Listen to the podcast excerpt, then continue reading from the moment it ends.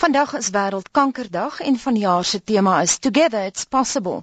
Die vraag bly egter, is dit moontlik om die stryd teen kanker te wen? Op 23 Desember 1971 het president Richard Nixon met die ondertekening van die Amerikaanse kankerwet oorlog teen die siekte verklaar en 100 miljoen dollar beloof om 'n kuur teen kanker te vind. Helaas is ons nog nie daar nie. Vir sy perspektief oor die stand van kanker in die wêreld en hier by ons praat ons nou met die hoof van Kansa se navorsingseenheid Dr. Kaal Albrecht in Kaapstad. Goeiemôre Kaal. Uh goeiemôre Anita. Kaal, die afgelope 40 jaar het die Amerikaners 90 miljard dollar bestee op kankernavorsing en 'n moontlike kuur. Kan ons die stryd teen kanker wen? Anita, ek dink dit is 'n vraag of kan ons nie. Dis 'n vraag van wil ons en gaan ons en hoe lank gaan dit nog vat? Ek dink die meeste mense in die wêreld sal graag wil sien kan ek kan nie aan iemand dink wat dit nie wil sien nie dat ons die stryd teen kanker wen nie. Maar ongelukkig dink ek gaan dit nog baie langer vat as wat ons gedink het en dit gaan ook nog baie meer geld kos as wat ons ooit gedink het want ons het nooit besef uh 40 jaar gelede dat ons hier die grootste biologiese probleem van alle tye aanpak, die grootste wetenskaplike probleem van alle tye aanpak. Ek was in Amerika gewees in daai dae En daar was groot optimisme. Mense het gedink dit sou nie so lank vat nie, miskien 10 of 20 jaar op die meeste. En dat die tegnologie dit uiteindelik sou oorwin. Maar ongelukkig het dinge nou nie so uitgewerk nie. Hoekom? Ek dink daar's twee redes. Ek dink die eerste rede is ons het die kompleksiteit van die lewendige proses wat in die sel afspeel het ons onderskat. Ons het nooit besef hoe kompleks dit is nie. Ek dink ek dink ons het dit met omtrent 1000 fout onderskat. Uh wat 'n lewendige sel eintlik behels. En ek dink die tweede rede die tweede rede dat dat ons so sukkel met met met kanker is dat uh die die faktore wat aanleiding gee tot kanker in ons omgewing uh is gekoppel aan gedrag wat baie lekker is. Ek dink nou byvoorbeeld aan uh rook. Mense wat rook hou daarvan. Dis nie vir hulle 'n uh, 'n uh, pyniging om te rook nie. Ek dink aan aan die kankers wat te doen het met seks.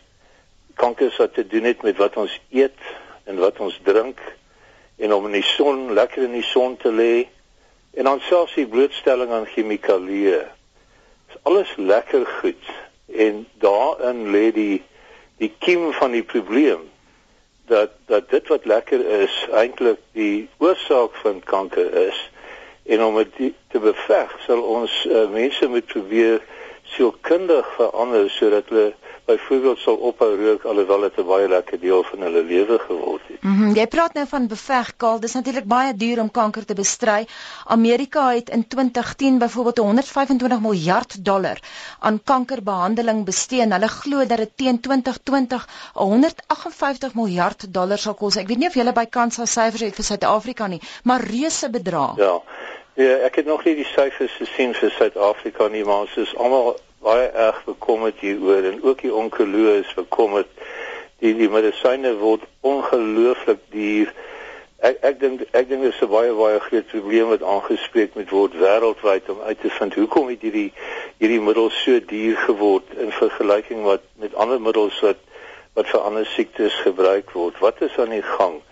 Uh en en verder, jy weet as elkeen gewerk het, as as elke liewe middel gewerk het, dan dan sou dit miskien nog die moeite werd gewees het maar ek dink in baie gevalle met kankerpasiënte is daar twee katastrofes. Die een is die kanker en die ander een is die finansiële katastrofe wat die siekte veroorsaak in die familie. Hmm. so jy weet hier hier lê 'n hele gesprekspunt op op, op sigself is oor, oor hoekom het dit so duur geword.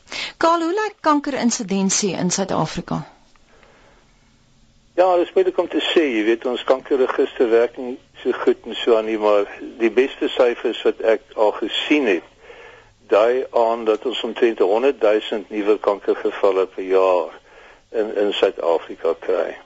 Ek verstaan darm dat Suid-Afrika Amerika een voor is met kankervoorkoming. Ek moes gesê het een voor nie op verskeie punte. Vertel 'n bietjie vir luisteraars. Ja, Ek sien vir my is dit belangrik wat wat 'n mens uiteindelik het in terme van wetgewing as jy iets wil voorkom. Dink nou net aan die patriots byvoorbeeld, as daar geen wetgewing was nie, het almal net maar gereis soos wat hulle wil.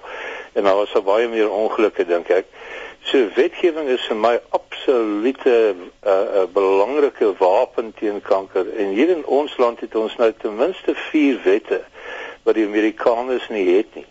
Ons het byvoorbeeld verlede jaar twee nuwe wette gekry, een teen die baba bottels wat ons glo gekoppel kan word aan borskanker en die ander wette was teen die transvette wat wat wat in die kos verskyn mense weet nie eers hoe goed is daar nie maar hulle is en en daar is in twee groot studies al gevind dat transvette verband hou met borskanker en prostaatkanker. Derdens het ons 'n wet in hierdie land waar volgens alle babas ingeënt moet word teen die virus hepatitis B En ons weet dat dit dat die kinders uiteindelik gaan beskerm teen teen lewerkanker wat wat redelik 'n groot probleem in die wêreld is. Ons 350 miljoen mense in die wêreld wat lewerkanker het. En ons het wetgewing wat ons kinders daarteen beskerm al van die middel van die 60e jare. En dan vierens het ons wetgewing teen asbestos. Uh die gebruik daarvan en al vier hierdie sake wat ek nou net aangeraak het is nie aan die gang in Amerika nie. So ek voel ons is besig om een van die toplande in die wêreld te word as dit by kankervoorkoming kom. Is terapie die enigste benadering? Nee, definitief nie. Uh as as terapie die enigste benadering was dan sou daar nie verskriklik baie rede vir optimisme kon wees nie. Ek dink die geheime formule uh vir sukses is 'n kombinasie van uh beter terapie aan die een kant, meer selektief met ander woorde dat dit kankerselle doodmaak en nie normale selle nie. Ons ons almal is op soek daarna. En aan die ander kant voorkoming. Ons moet die faktore in die omgewing wat kanker veroorsaak probeer uithaal of neutraliseer of met wetgewing uh sodanig hokslaan dat dit nie meer 'n gevaar vir enige iemand kan wees nie want 90% van ons kankers, 9 uit 10 babas wat gebore word sonder 'n enkele kankersel in hulle klein liggaampies, uh, uh kry uiteindelik kanker. 1 uit 4 van hulle kry uiteindelik kanker in Suid-Afrika omdat daar iets in die omgewing was wat dit vir hulle gegee het. So die omgewing weeg swaarder as genetika? O ja sonder twyfel dit weeg 9 keer swaarder as hmm. as genetika. Nou Karl, ek weet ook jy waarsku al jare teen ongefundeerde alternatiewe behandelings. Ja. Wil jy vir ons uitbrei vinnig daaroor?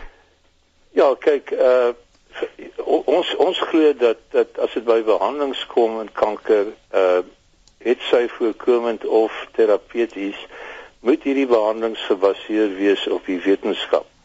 Is baie maklik om uit te vind of iets op wetenskap gebaseer is. Alwaarvoor jy vra is die ewig nie geëvalueerde publikasies waarin die terapie opgeskryf is. As 'n mens dit nie kan bekom by enige iemand wat iets koop vir kanker nie, dan dan is dit nie 'n aanvaarde uh terapeutiese benadering dis heel waarskynlik wat genoem word 'n alternatiewe benadering Maar my gevoel is as 'n alternatiewe benadering werk, hoekom is dit is daar dan nie wetenskaplike onderbou nie?